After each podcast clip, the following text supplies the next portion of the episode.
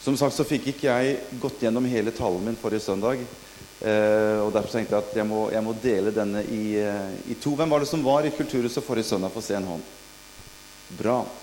Eh, det har skapt litt forventninger rundt denne søndagen her, har jeg skjønt.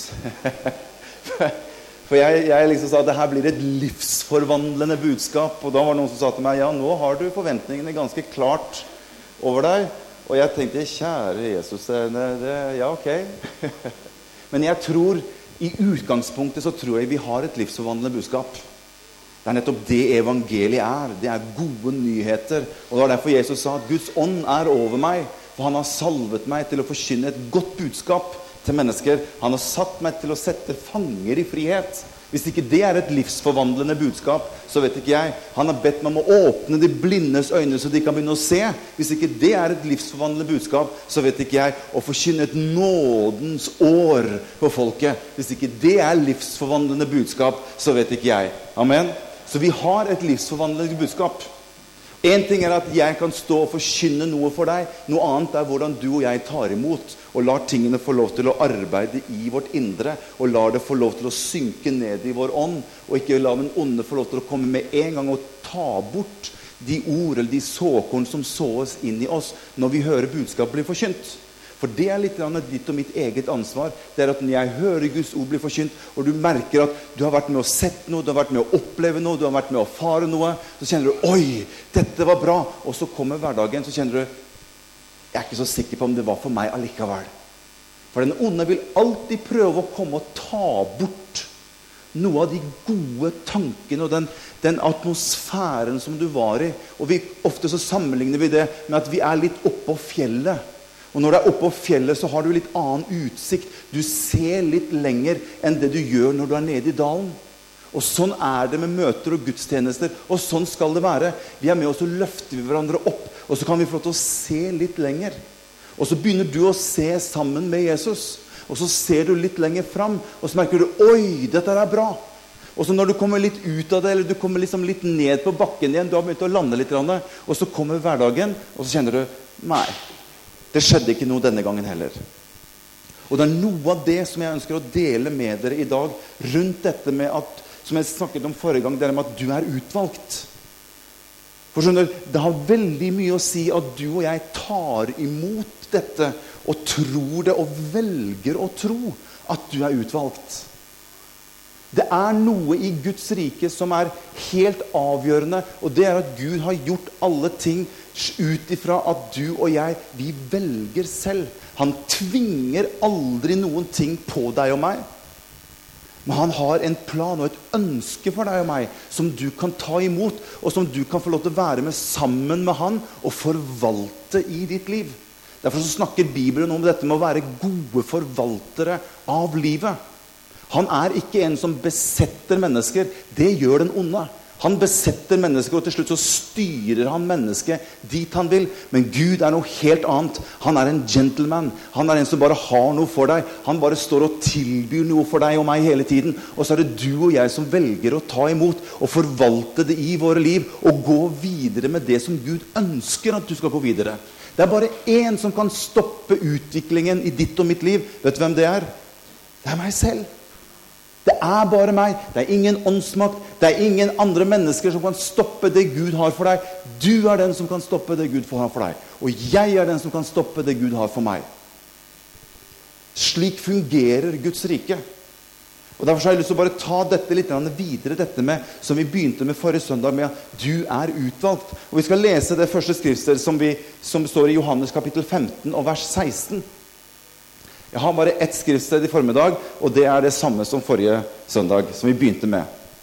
Johannes kapittel 15 og vers 16, hvor det står at dere har ikke utvalgt meg, men jeg har utvalgt dere og satt dere til å bære frukt. Frukt som varer. Og jeg poengterte det veldig klart, tror jeg. Jeg tror det forrige søndag at du er utvalgt. Du er ikke utvalgt ut ifra at du gjør noe bra, er på en spesiell måte, har gjort noe bra. Eller som at jeg kan spille piano, eller Elin kan spille piano, eller Martin som sang utrolig bra i dag. Martin. Fantastisk bra å høre deg i dag.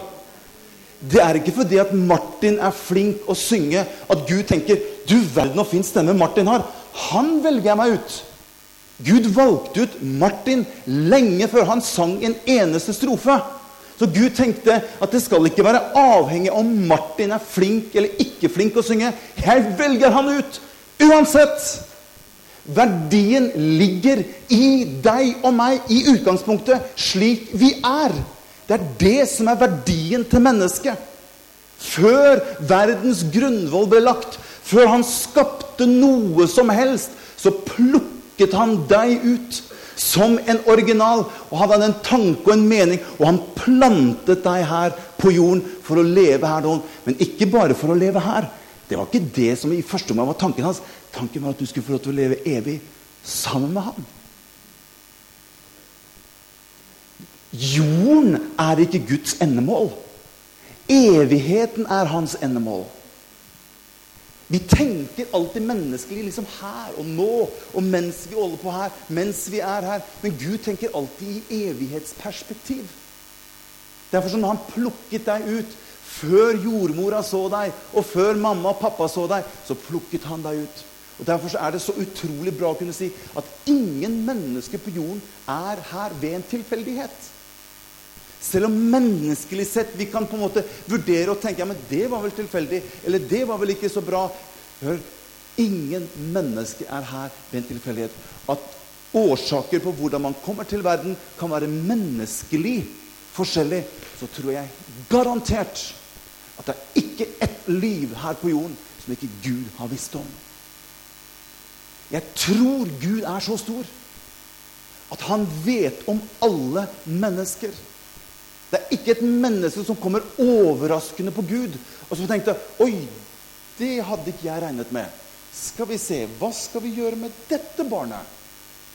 Det var ikke sånn jeg hadde tenkt det. Det var ikke slik jeg hadde ment. Gud har håndplukket alle mennesker før jordens grunnvoll ble lagt.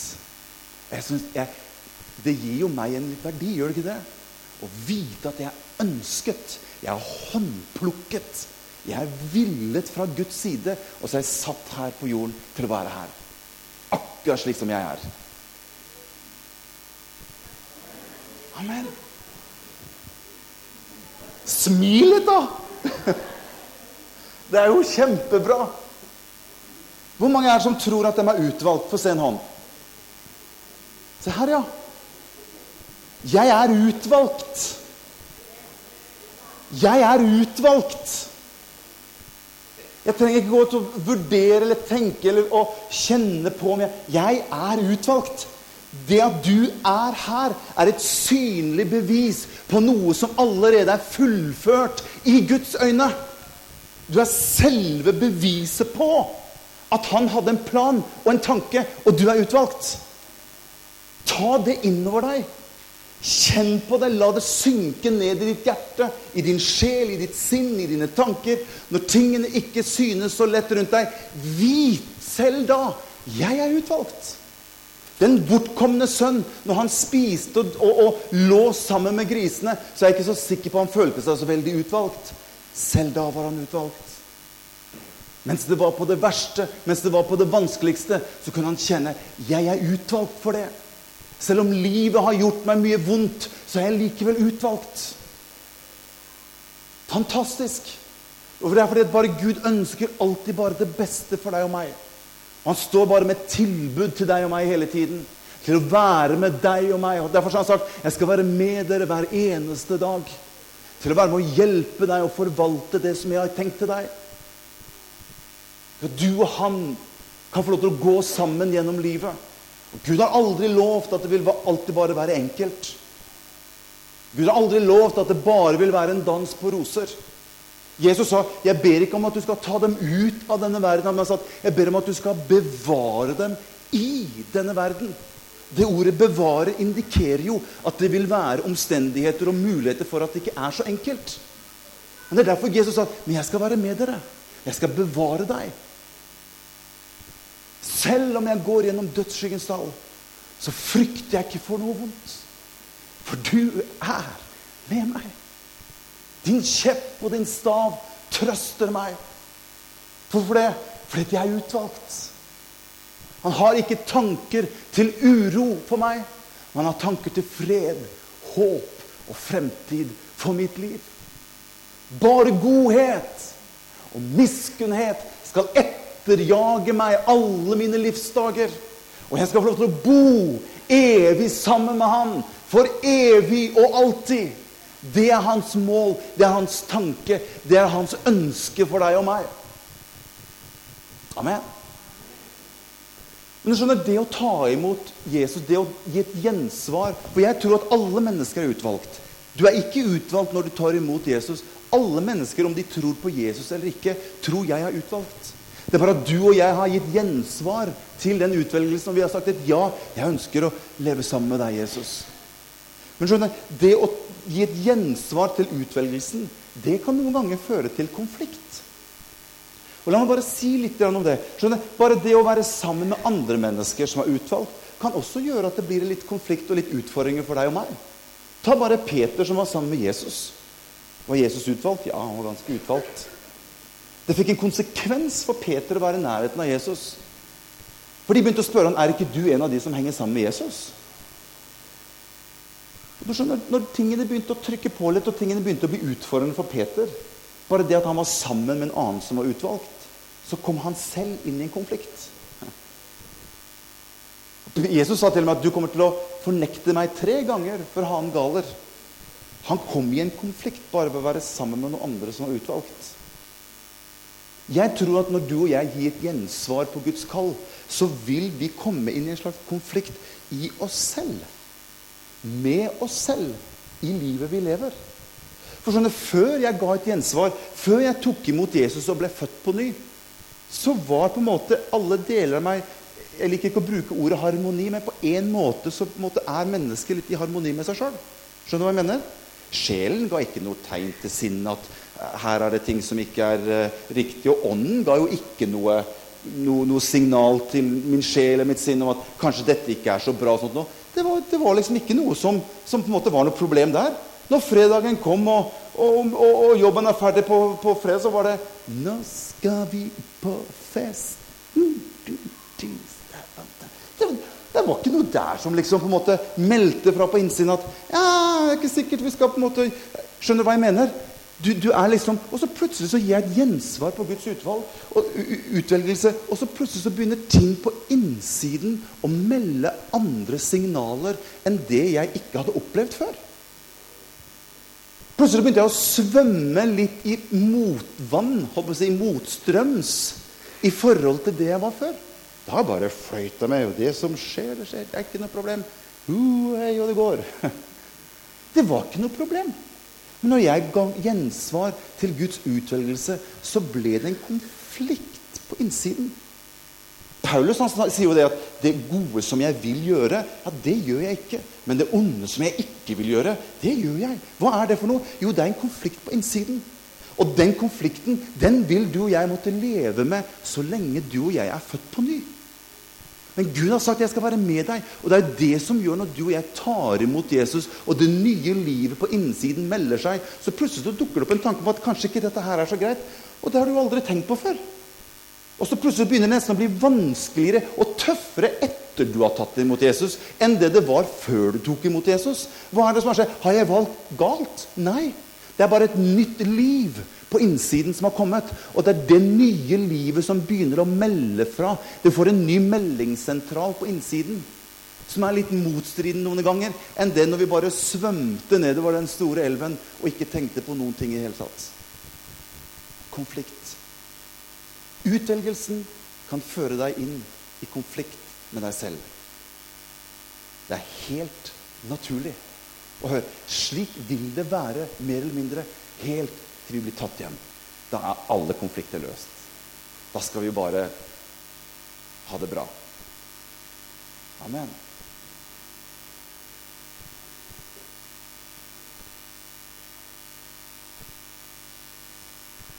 Jeg nevnte dette med Paulus om, om denne indre kampen. Jeg har, jeg har, lyst til å bare dele også noen for Jeg sa litt, jeg kommer til å si litt om hvordan menigheten kommer inn i bildet med dette med utvelgelse. Jeg har, bare, jeg har lyst til å dele noen tanker med dere om Maria.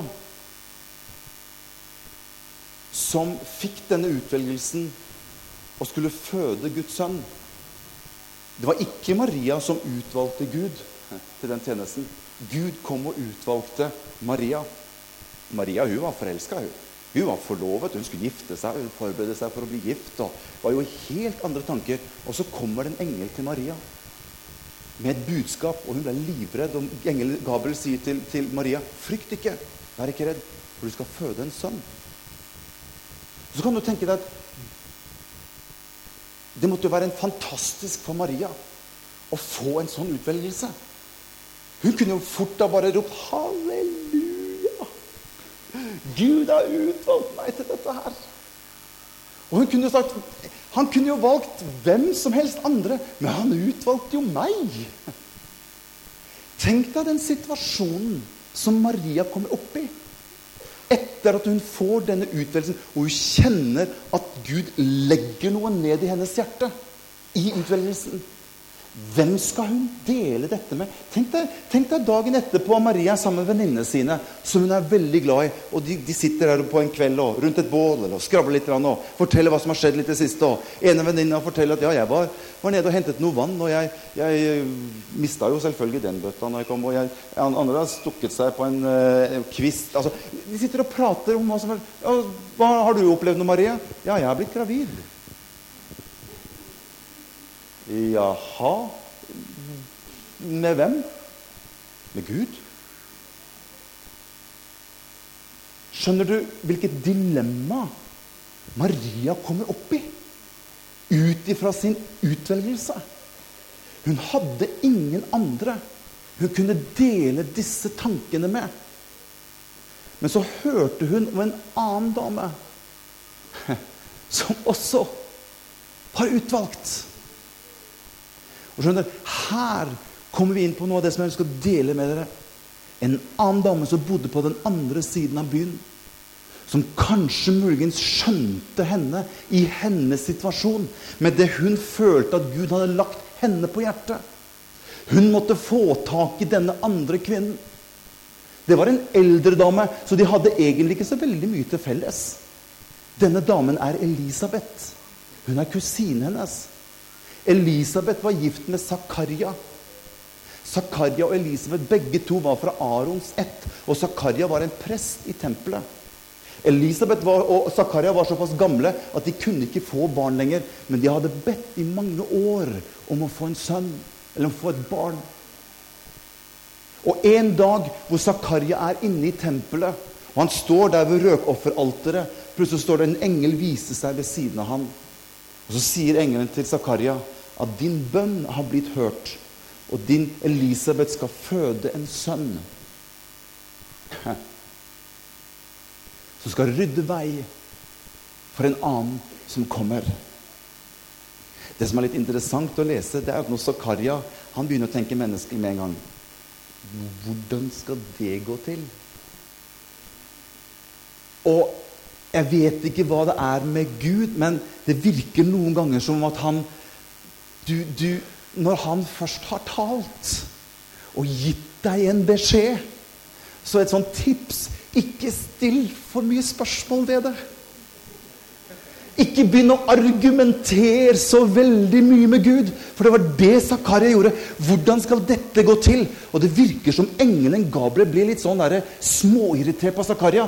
I og med at du misforsto, eller ikke misforsto, men stilte spørsmål med det jeg har sagt, så kommer jeg til å slå deg med stumhet. Du kommer ikke til å kunne tale fra i dag og til din sønn er født. Der var munnen hans lukket. Jeg vet ikke om noen koner som kanskje kunne tenkt seg det. Men uh, ja. Du får, du får, sende opp en liten bønn. Stum. Bli stum. Nå er det kanskje mange fedre som er stumme når Tour de France går som bare det. Jeg er en av de. Ja, skal ikke komme inn på det. Det er en helt annen greie. Men Zakaria blir slått med stumhet.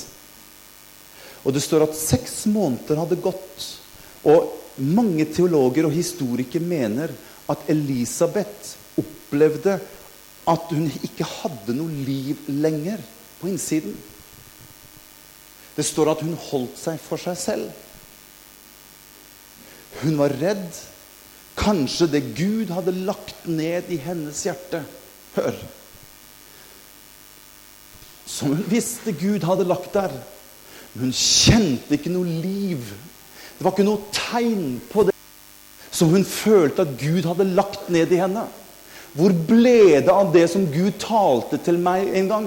Hvor ble det av det som jeg opplever at Gud har lagt ned i mitt hjerte? Jeg kjenner ikke noe liv. Det er ingenting der som indikerer at det Gud har talt til meg om, at det er en virkelighet. Og Elisabeth begynte å bli urolig, og hun begynte å bli fryktsom. Kanskje er det dødt, det som er på innsiden. Og et stykke unna så er det en lita jente som heter Maria, som også opplever urolighet. Hvem skal hun dele dette med? Hun må dele det med noen andre også, som er utvalgt. Og du skjønner, at Det er der menighet kommer inn. For plutselig en dag hvor kanskje Elisabeth opplever at nå er alt håp ute. Jeg tror ikke det er noe lenger i det som Gud har sagt til meg i mitt hjerte. Jeg tror ikke det blir noe ut av det.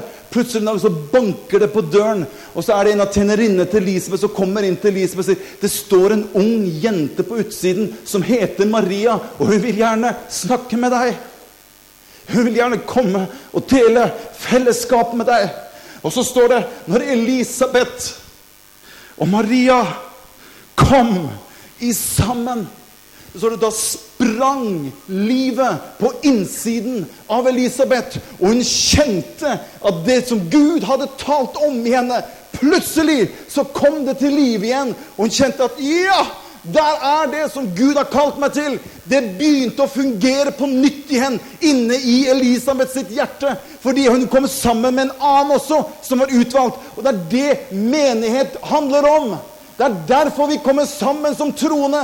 Fordi at det du ikke greide å føde frem fra deg selv, det jeg ikke greide å føde frem Når du og jeg kommer sammen, så er det bare et eller annet som skjer. Liv skapes i fellesskap med andre troende. Amen.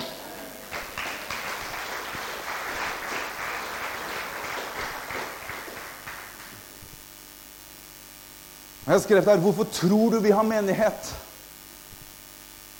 Hvorfor tror du vi ønsker å sette i gang med enda mer av life-grupper i kirken? For du og jeg skal få lov til å dele fellesskap med andre troende. Og du kommer til å treffe mennesker som kommer til å være nøkkelen inn i din tjeneste. Du trenger ikke alltid bare vente på at Gud skal gjøre et eller annet, eller skrive noe på veggen, eller at du skal få noe spesielt. La andre mennesker få lov til å komme inn og begynne å tale inn i ditt liv. Og begynne å være med å oppmuntre deg og begynne med å tenne på nytt igjen det som du har lagt i ditt hjerte. Begge hadde opplevd at Gud hadde lagt noe ned i dem. Begge opplevde seg utvalgt. Men samtidig følte de seg usikre og redde i forhold til hva som ville skje. Men når de kom sammen Det står ikke bare det at livet sprang i Elisabeth, men så, og hun ble fylt av Den hellige ånd. Hun ble fylt av Den hellige ånd. Det var liv når de kom sammen. Brødre, når dere kommer sammen så har en en salme, en annen en hymne, en tredje en åndelig vise. Syng og spill. Vær sammen, oppmuntre hverandre, løft hverandre opp. Det er det vi er kalt til. Å hedre de neste mer enn deg selv. Halleluja. Og jeg har skrevet her det lønner seg å komme til Guds hus. Kanskje ikke kroppen din alltid føler for det eller energien din alltid er enig. Jeg har skrevet her men det kan være en Elisabeth som er der og venter på deg, og som er usikker, og som er litt tvilende i forhold til hva Gud har lagt ned i henne. Kanskje det er en Elisabeth der som venter på deg til å treffe deg, og du kan få lov til å være nøkkelen inn og være med å åpne opp det som Gud har lagt ned i et annet menneske. Hva var det som førte Josef ifra fengselet til faraos høyre side. Det var Han begynte å så inn i drømmene til de rundt seg. Han satt ikke bare og tenkte på seg selv. Hva skjer med meg? Hvordan skal det gå med meg? Han begynte å så inn i andre menneskers drøm. Og det førte til at han ble satt sittende ved siden av faraos side. Du og jeg vi er kalt til å være med å så inn i hverandres drømmer, i det Gud har utvalgt oss hver enkelt til. Det er det menighet handler om. Det er derfor vi kommer sammen, for å være med å ut, ut, oppmuntre hverandre. Halleluja. Elisabeth og Maria de hadde ikke så mye til, til felles. Jeg tenkte på det her. Vi kan være en menighet med utrolig mange forskjellige mennesker. Og på utsiden så trenger det ikke å være så veldig mye felles. Vi kan komme fra mange forskjellige nasjoner, fra mange forskjellige folkeslag, mange forskjellige bakgrunner og kulturer. Men vi er utvalgt. Vi er utvalgt. Og vi kommer sammen fordi vi er utvalgt. Og når vi treffer hverandre Det er derfor det heter 'Jeg gleder meg ved den som sier til meg' Vi vil gå til Herrens hus. Jeg gleder meg til å treffe brødrene og søstrene igjen. For å være en oppmuntring for de andre. Styrkt av hverandre med disse ord. Løft hverandre opp med disse ord. Halleluja. Halleluja.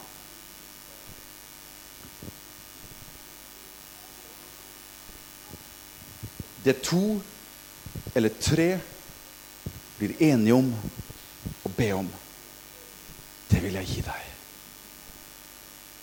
Det er to og tre blir enige om. Det er en enorm forløsning i når du og jeg kommer sammen med andre som er utvalgt. Halleluja. Jeg ønsker at vi skal stå på våre føtter. Jeg kjenner Jesus er her.